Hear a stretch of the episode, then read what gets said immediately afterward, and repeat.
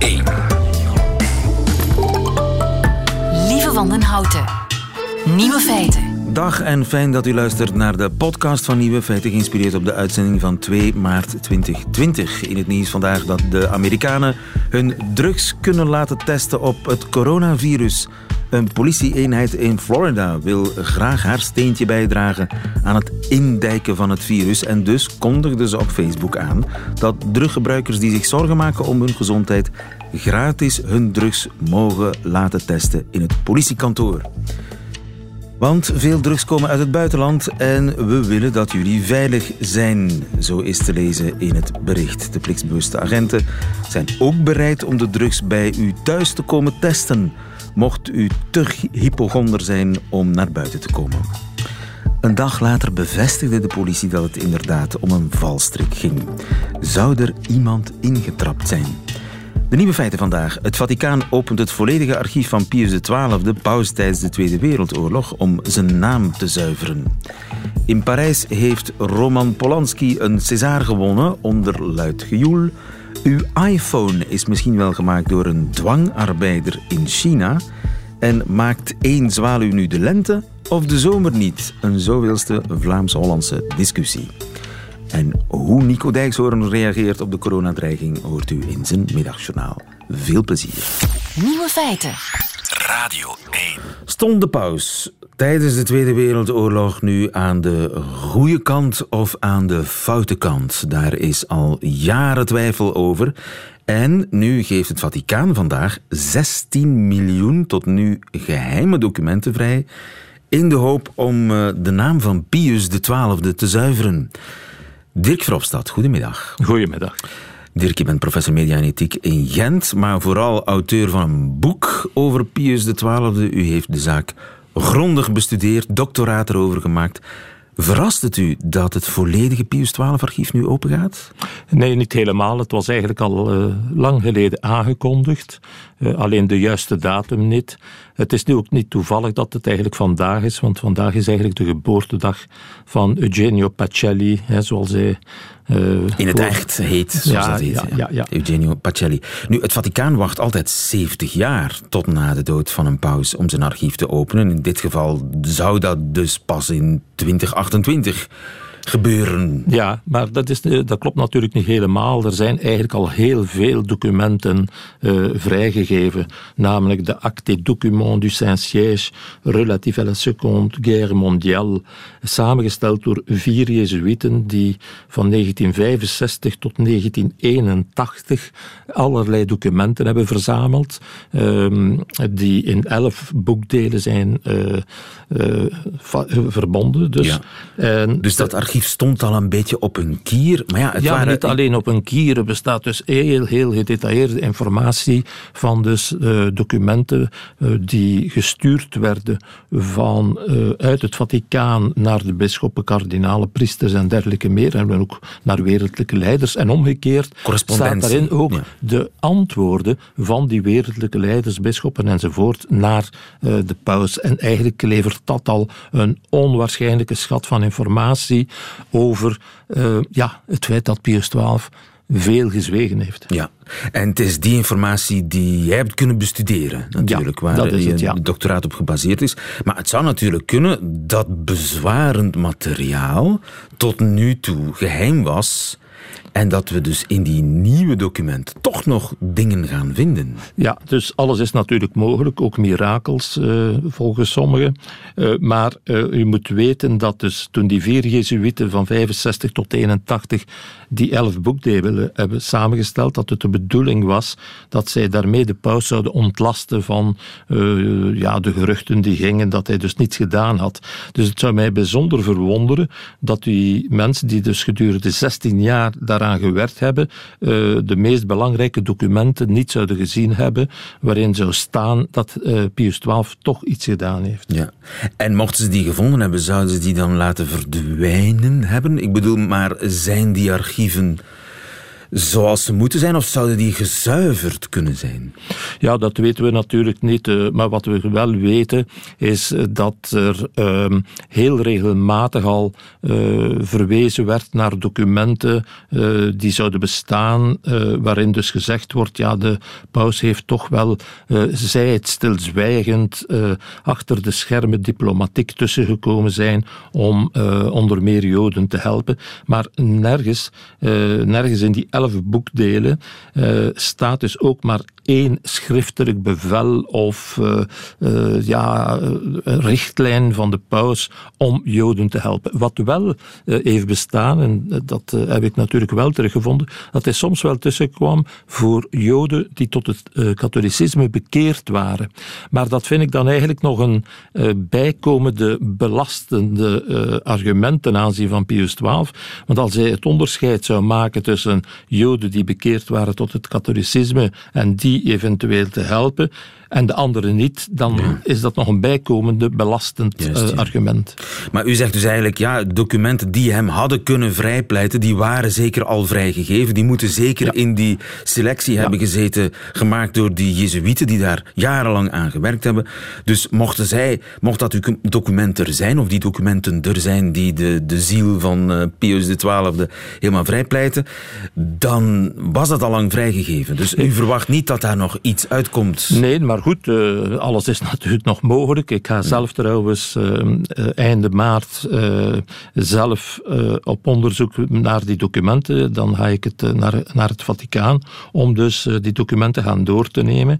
Maar nogmaals, het zou me echt verwonderen dat daarin iets zou staan dat werkelijk aantoont dat hij dus op een schriftelijke manier, een heel duidelijke manier gezegd heeft, kijk, we moeten de Joden helpen. Wat wel waar is, dat is dat natuurlijk heel wat mensen in kloosters, uh, uh, ook priesters, Joden geholpen hebben. Maar nergens kan men aantonen dat dat gebeurde op vraag of op bevel van ja. de paus. En heeft u in tegendeel eerder bezwarende documenten gevonden in uw zoektocht? Ja, natuurlijk heel wat. Hè. het begint al eigenlijk op 20 juli 1933, namelijk nog voordat hij paus was. toen was hij de vertegenwoordigende staatssecretaris van het Vaticaan op 20 juli 1933 heeft hij dus een, het concordaat afgesloten tussen het Vaticaan en Nazi-Duitsland. daar bestaat trouwens een bekende foto van, waar Pacelli op staat met Frans von Pape, Ludwig Kaas en zo, die dus dat document ondertekenen. Dat, is dus, dat was eigenlijk het eerste grote diplomatieke succes. Dat was de deal, als het ware. Dat was het grote diplomatieke succes, eerste van Hitler eigenlijk. Dat hij op die manier geen last meer had van eventuele kritiek en dergelijke vanuit de, die hoek. Maar dan tijdens de oorlog heb je bijvoorbeeld, ik kan maar, een paar voorbeelden geven, op 16 oktober 1943 werden de Joden in Rome opgepakt. Uh, vooral vrouwen en kinderen, uh, dus in de Joodse wijken in Rome. En die werden uh, dan afgevoerd naar het Collegia Militare, dat op 400 meter ligt van het Vaticaan.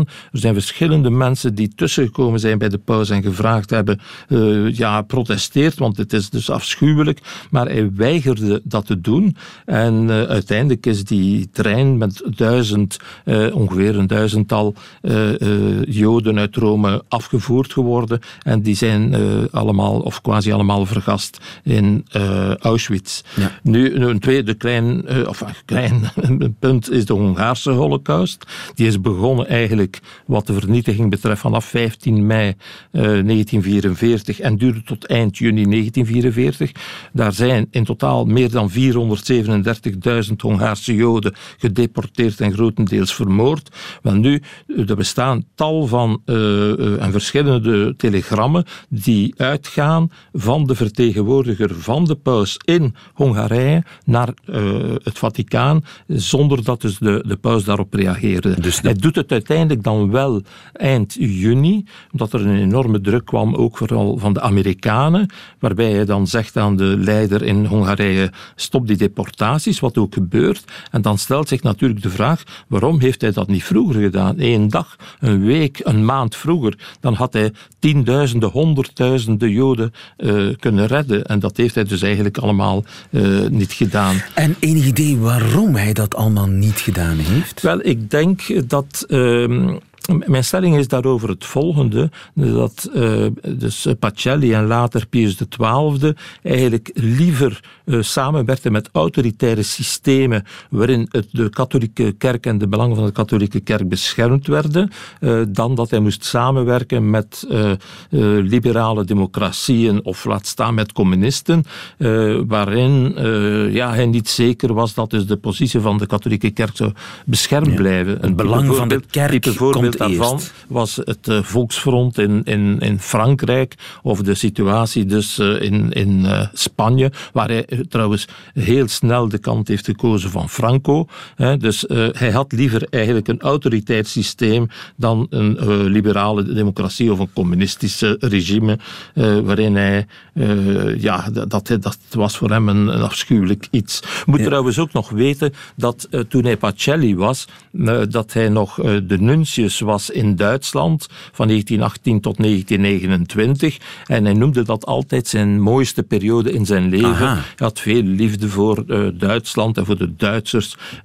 En goed, zelfs als hij dan paus wordt in 1939, dan komt er geen enkele afkeer voor. Dus hij kende de situatie in Duitsland door en door. Ja, de, hij was de best geïnformeerde persoon in de wereld. Hè. Want stel u voor, hij stond aan het hoofd van dus het machtigste instituut, de katholieke kerk, die vertegenwoordigers had in alle landen. Zowel in, de aslanden als in de geallieerde landen. En van daaruit kreeg hij dus alle mogelijke informatie. En daar bestaan verschillende telegrammen van, waar men spreekt van er zijn bij ons 200.000 Joden vermoord. Uh, er is zelfs een, een heel bijzonder telegram van maart 1943, waarin gewaarschuwd wordt, en waarin hem gezegd wordt dat er dus uh, uh, honderdduizenden Joden vernietigd zijn geworden. En dan staat daar een woordje bij, in Treblinka. En dan ook nog met lazione di gas, met gebruik van gas. Dus uh, er wordt altijd gezegd over Treblinka, wel wist men pas na de oorlog, maar het Vaticaan was al op de hoogte in 1943 daarvan. Ja. En toch heeft hij daar ook niets mee gedaan. Nu, de kans is heel klein, zegt u, dat er nog het miraculeuze document tevoorschijn komt dat de paus helemaal vrijpleit. Waarom zou het Vaticaan dit dan doen? Is dit een soort van PR-oefening? Sommigen zeggen om de, de weg naar de zaligverklaring vrij te maken van ja, de paus? Ja, dus dat laatste is uh, heel duidelijk het geval. U moet weten dat dus quasi alle voorgaande pausen heilig zijn verklaard. Uh, zelfs ook Pius XI, die eigenlijk de hoofdverantwoordelijke was voor dat concordaat met Nazi-Duitsland. Uh, wel, dus... Um, ja, dus gans zijn punt was eigenlijk uh, dat hij uh, ja, daarin, daarin eigenlijk uh, vastzat en dat hij. Ehm, ja, ik ben even de... Hij, hij wou stille diplomatie doen. Dat is altijd het, het, het, het, het, idee geweest. Dat is ook wat de mensen zeggen die hem steunen. Hij heeft met stille diplomatie juist heel veel levens gered. Ja. En dat is eigenlijk de stelling die men nu wil uh, onderstrepen. Dat is hetgeen dat men wil onderstrepen, maar dat is eigenlijk al tegengesproken wordt door tal van documenten die er bestaan. Maar nogmaals, ik ben heel benieuwd. Hè. Ik ga zelf daarin gaan zoeken. Ik zal uh, zien wat daaruit komt, wat erin staat. Maar ik vrees dat het toch eigenlijk allemaal zaken zullen zijn waarin men bij wijze van spreken vanuit een soort tweede hand uh, zegt van ja, we hebben gehoord dat hij dat gedaan heeft. Of er bestaat ook, dus er bestaat een gekende foto van vluchtelingen in de ontvangsthal van Castel Gandolfo, dus zijn buitenverblijf van de paus, waarin je inderdaad mensen eh, op de grond ziet liggen en waarvan men dan zegt dat zijn dus eh, Joden die hij gered heeft. Maar het is helemaal niet duidelijk, één, of dat het wel allemaal Joden zijn en ten tweede, of dat gebeurd is op bevel van de paus. Dus ehm, ik vrees dat dat eerder eh, ja, mensen waren, katholieken, zoals in veel landen, die inderdaad Joden geholpen hebben hebben. Ja, maar u gaat uh, ter plaatse nog eens kijken in die vele miljoenen documenten. Ik wens u daar heel veel succes mee. Dank je wel, ja. Dirk Verhofstadt. Graag gedaan. Bedankt voor dit gesprek. Goedemiddag. Dank u. Nieuwe feiten. Coucou de France. Met Alex Visorek. En het is weer maandag en dan heb ik mijn uh, wekelijkse rendezvous avec Alex. Uh, Alex, onze landgenoot en mijn collega bij uh, Radio France, die ons op de hoogte komt brengen van waar de mensen mee bezig zijn in Frankrijk. Goedemiddag, Alex. Goedemiddag, lieven. Het is gebeurd. Vrijdagavond was het La Cérémonie des Césars. Aha, de Franse filmprijzen. Eh, ja, en eh, dit jaar zullen ze niet snel vergeten worden, maar niet omwille van de films. Le César de la meilleure réalisation est attribué à Roman Polanski pour J'accuse. Ja, Roman Ja, Polanski. ja, l'Académie des Césars heeft eh, Roman Polanski bekroond als beste regisseur. Een heel controversiële keuze die komt als een rotte kerst op een slechte taart. De uitrekking verliep in ehm, een gespannen sfeer. J'accuse, de film van Roman Polanski, had in januari de meeste nominaties gekregen, 12.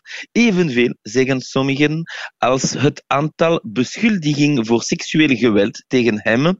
Moet men een scheiding maken tussen de kunstenaar en de man, wat steeds mo- moeilijker te eh, verdedigen wordt. Vooral nadat MeToo ook in Frankrijk losgebarsten was. Vorig jaar nog getuige actrice Adèle Haenel over grensoverschrijdend gedrag van een Franse regisseur toen ze nog minderjarig was. En alsof dat allemaal al niet genoeg was, lag l'Académie des Césars ook sinds een paar weken onder vuur.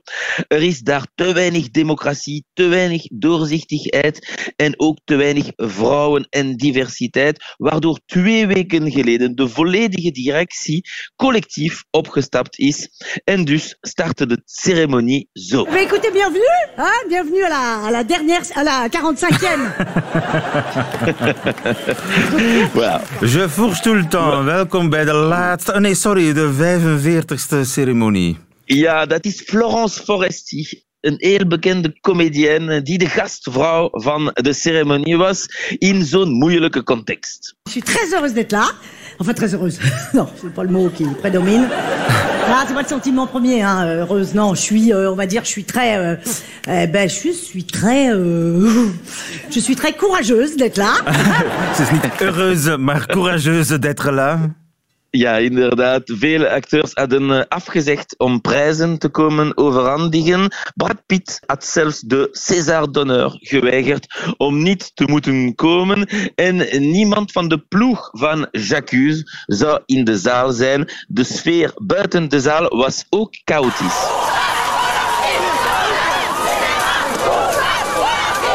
Ja, het is niet helemaal duidelijk wat ze Nee. te roepen hadden.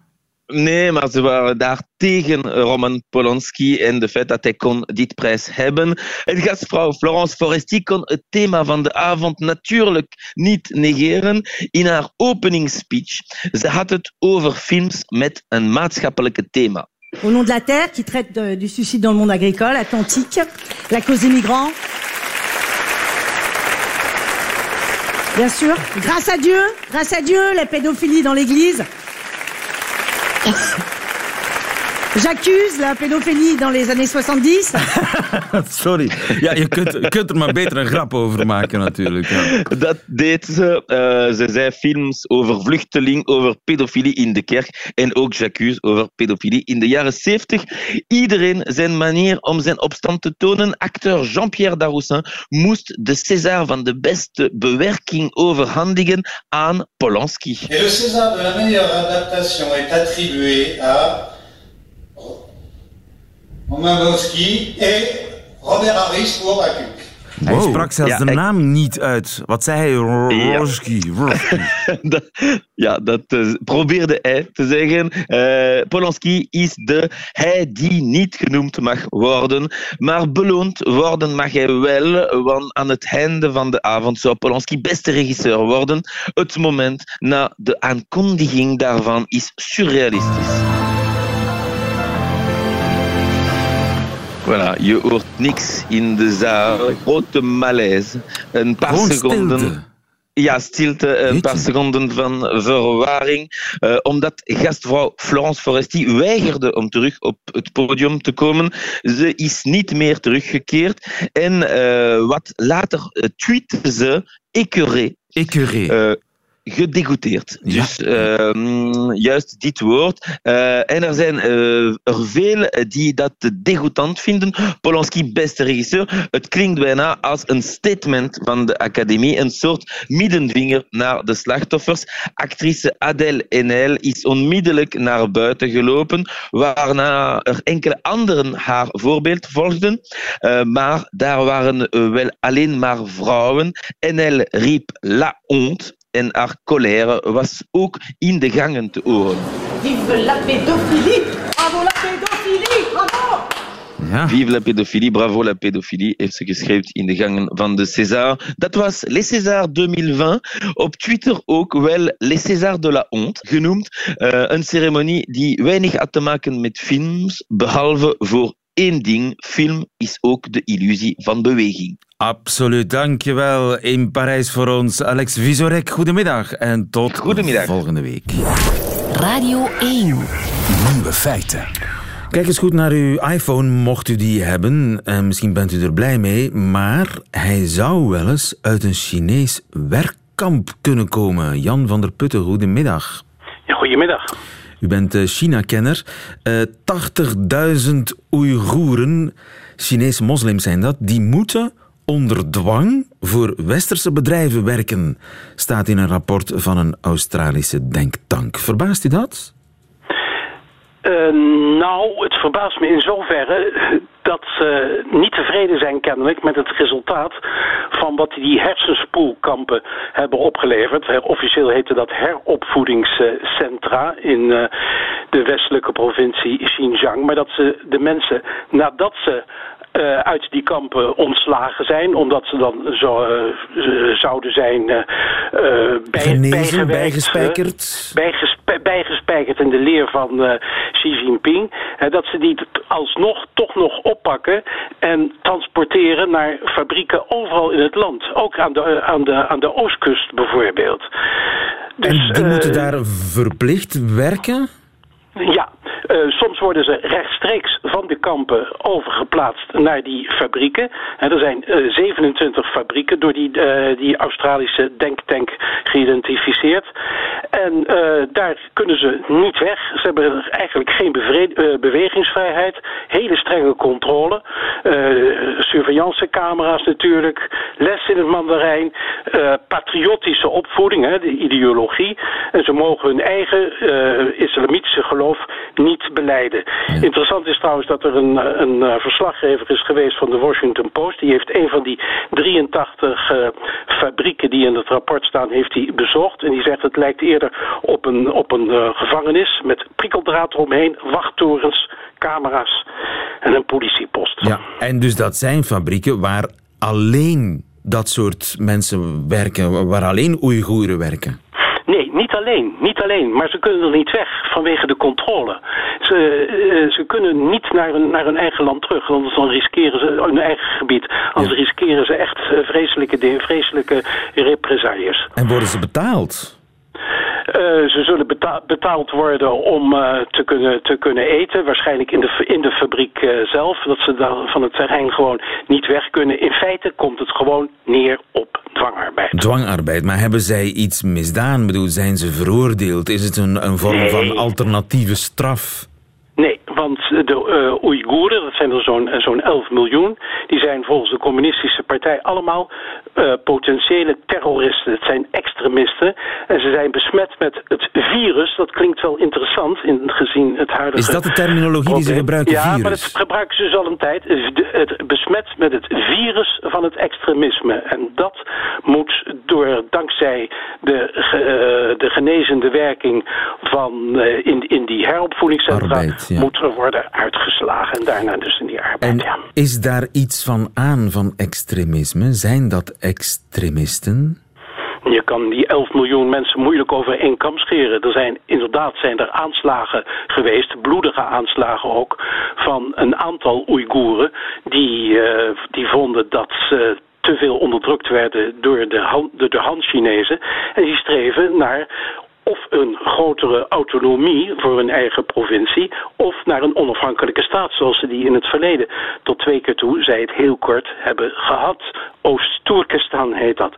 Nou, die, uh, die, die, opstand, dat heb je, heb je vaak als uh, mensen onafhankelijkheid willen en het wordt onderdrukt, dan komt, er, dan komt dat tot geweld. Nou, die opstand is nog veel harder onderdrukt en is op een gegeven moment helemaal globaal geworden. Dat wil zeggen dat alle Oeigoeren gezien worden als, uh, als mogelijke terroristen en dat moet er worden uitgeslagen. Nu, die werkkampen, dat, daar wordt gewerkt aan westerse producten, aan, aan iPhones bijvoorbeeld. Ja, er zijn de, allerlei internationale merken daar. Uh, die, die hebben daar hun, hun, hun, leveranciers zitten. Apple, Nike, Volkswagen, Dell. Ehm, en ja, ze zeggen allemaal dat ze van, van niks weten. Dat ze er zich niet van bewust zijn. Maar ze hebben ook allemaal gezegd dat ze zullen eisen dat de omstand, werkomstandigheden daar fatsoenlijk zijn. En dat ze met dwangarbeid helemaal niks te maken willen hebben. Dat kunnen de bedrijven natuurlijk ook niet meer verkopen tegenwoordig. Ja, want dat zijn voor alle duidelijkheid dan geen bedrijven van bijvoorbeeld Apple, Nike, BMW, Volkswagen. Nee, nee, nee. Dat zijn toeleveringsbedrijven. Chinese, Chinese toeleveringsbedrijven, ja. ja.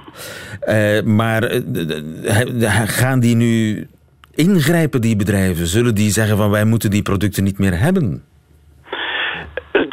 Dat moet eerst uh, worden vastgesteld. En daarvoor hebben ze gevraagd, of nee, de, die, die, die uh, denktank, die, heeft, die Australische denktank heeft gevraagd aan de Chinese regering om uh, inspecteurs toe te laten.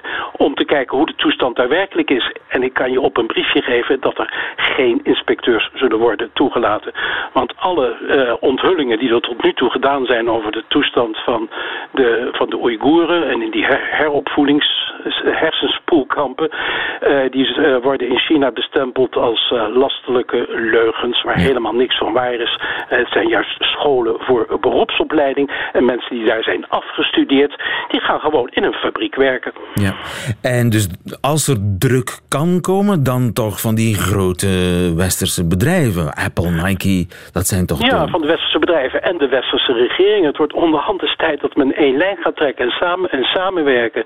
Want als alle westerse landen samen een vuist tegen, tegen China, tegen dit soort toestanden zouden maken, dan moet de Chinese regering wel, wel inbinden. Maar dat is tot nu toe niet gebeurd. Jan van der Putten, dankjewel. Goedemiddag. Ja, goedemiddag. Radio 1. Nieuwe feiten.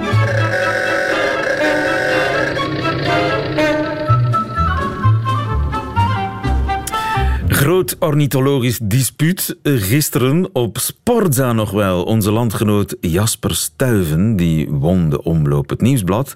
En zijn ploegleider, Steven de Jong, die klonk achteraf voorzichtig optimistisch. Soms weet je, soms valt een dubbeltje de ene kant op en soms van de andere kant op. We hebben nu een goede start gehad, maar uh, ja, er komen nog zoveel klassiekers aan. Een uh, zwaluw maakt nog geen zomer, zeggen ze bij ons. Zeker waar. Bij ons is het lente. Oké. Bij ons is het lente. Karel Bertelen meteen uh, heel adrem. Eén zwaluw maakt de lente niet. Zo is het toch? En niet de zomer. Jochem Vrielink, goedemiddag. Goedemiddag. Je bent uh, vogelkenner. Ja. Je bent Nederlander, hoewel al zeer lang in uh, Leuven, dacht ik, wonende. Ja. Dus je al kent jaar. al twintig jaar in Vlaanderen. Dus je kent Vlaanderen en Nederland en je kent de vogels. Ja. Laten we eerst even de taalkundige kwestie aanpakken. Wat zeg jij? Wat zeggen de mensen? Reflexmatig zeg ik nog altijd uh, zomer. Dus in, in, het noordelijke taalgebied in Nederland uh, zegt men daadwerkelijk zomer. in het zuidelijke taalgebied in, in Vlaanderen overwegend zegt men, zegt men lente. Aha. En wie is er correct? Zijn de Vlamingen Wie is goed? correct? Wanneer, als er zwaluwen komen, hebben we dan lente? Ja, ornithologisch ja, gesproken dan. Ja, dus ornithologisch zou ik zeggen dat de Vlamingen meer gelijk hebben. Dus ik wist ja, het. dat hangt uiteraard. Ja.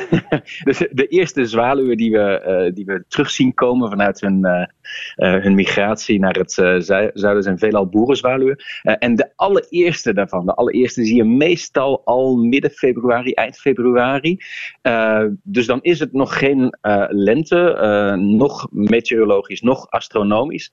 Ehm, en die eerste zwaluwen, ja, die, die maken de lente dus nog niet. Maar tegen dat het zomer is, ja, zijn alle zwaluwen, alle zwaluwsoorten en alle zwaluwen al lang en breed terug. Dus dat, dat is een weinig zinnige, een weinig zinnige indicatie om te zeggen dat het de zomer En, en heb jij al zwaluwen gezien?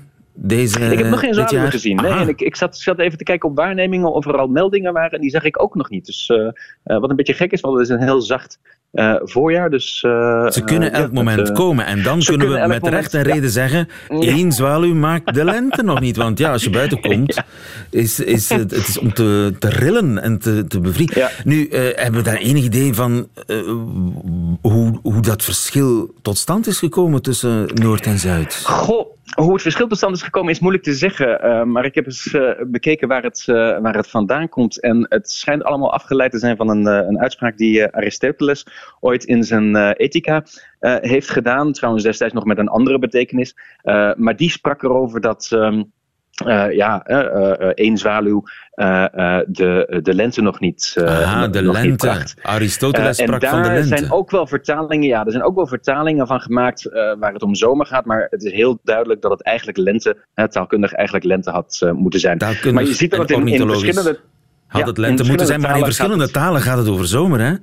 Exact, exact. Dus het, uh, het, het, varieert echt van, uh, van taal tot taal. En soms binnen het taalgebied nog van regio tot regio. Dus in het Engels is het, uh, gaat het om summer, gaat het om zomer. one swallow does not a summer make. Um, in het Duits zien het allebei wel, maar ook daar is, is, is zomer toch summer het, het meest overwegend en, en, niet fruling. Ja, en ik heb, hier, ik, heb hier ehm, even, ik heb hier een Zweeds liedje. We gaan heel even luisteren wat ze in Zweden zeggen. ja. Het is een, een liedje van... Eén zwaluw, ingen zomer. Ja, ja, Eén zwaluw maakt de lente niet, voilà. Dus ook in Zweden spreken ze van de zomer. Ja, ja. Ja, het lijkt ook niet echt, want je zou dan nog kunnen zeggen van ja, misschien uh, hoe noordelijker uh, het land, hoe meer ze van zomer zouden kunnen spreken, omdat de beesten daar natuurlijk net iets later aankomen. Maar dat lijkt ook niet echt uh, het geval. Dus uh, er zijn bepaalde zuidelijke landen waar men toch ook van uh, zomer spreekt, of dan juist weer van lente. Dus het is, het is allemaal een beetje, het is, het is wat chaos. Ja, we gaan het eens aan Annie Gould vragen en die zingt in het Frans. L'hirondelle. L'hirondelle du printemps. Dankjewel Jochem. L'hirondelle du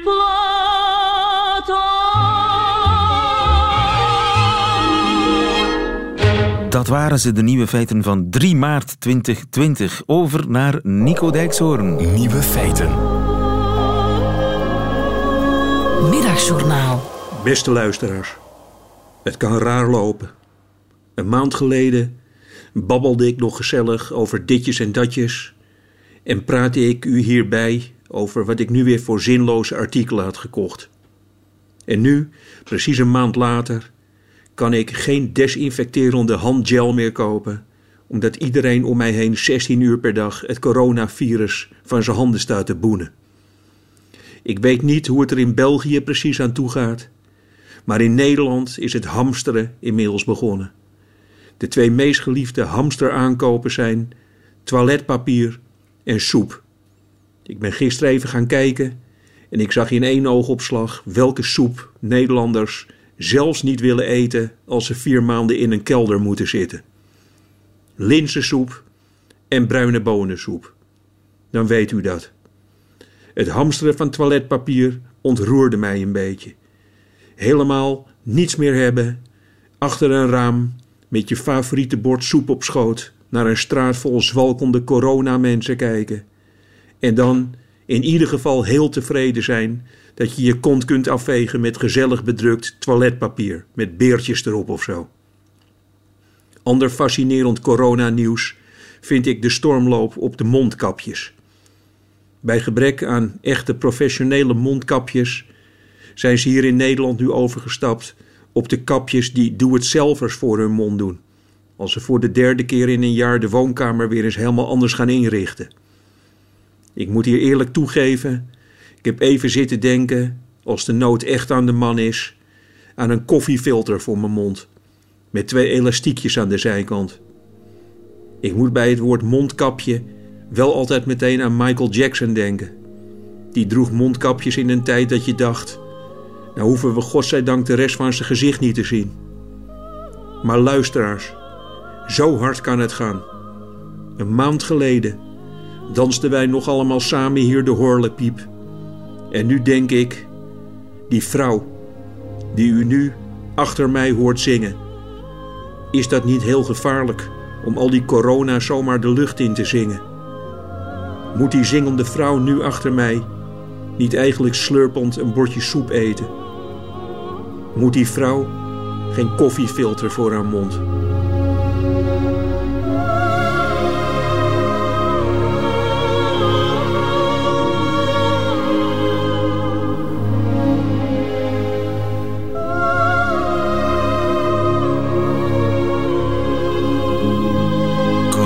Coronacrisis ook ten huize Nico Dijkshoorn. Einde van deze podcast. Hoort u liever de volledige uitzending van Nieuwe Feiten met alles erop en eraan?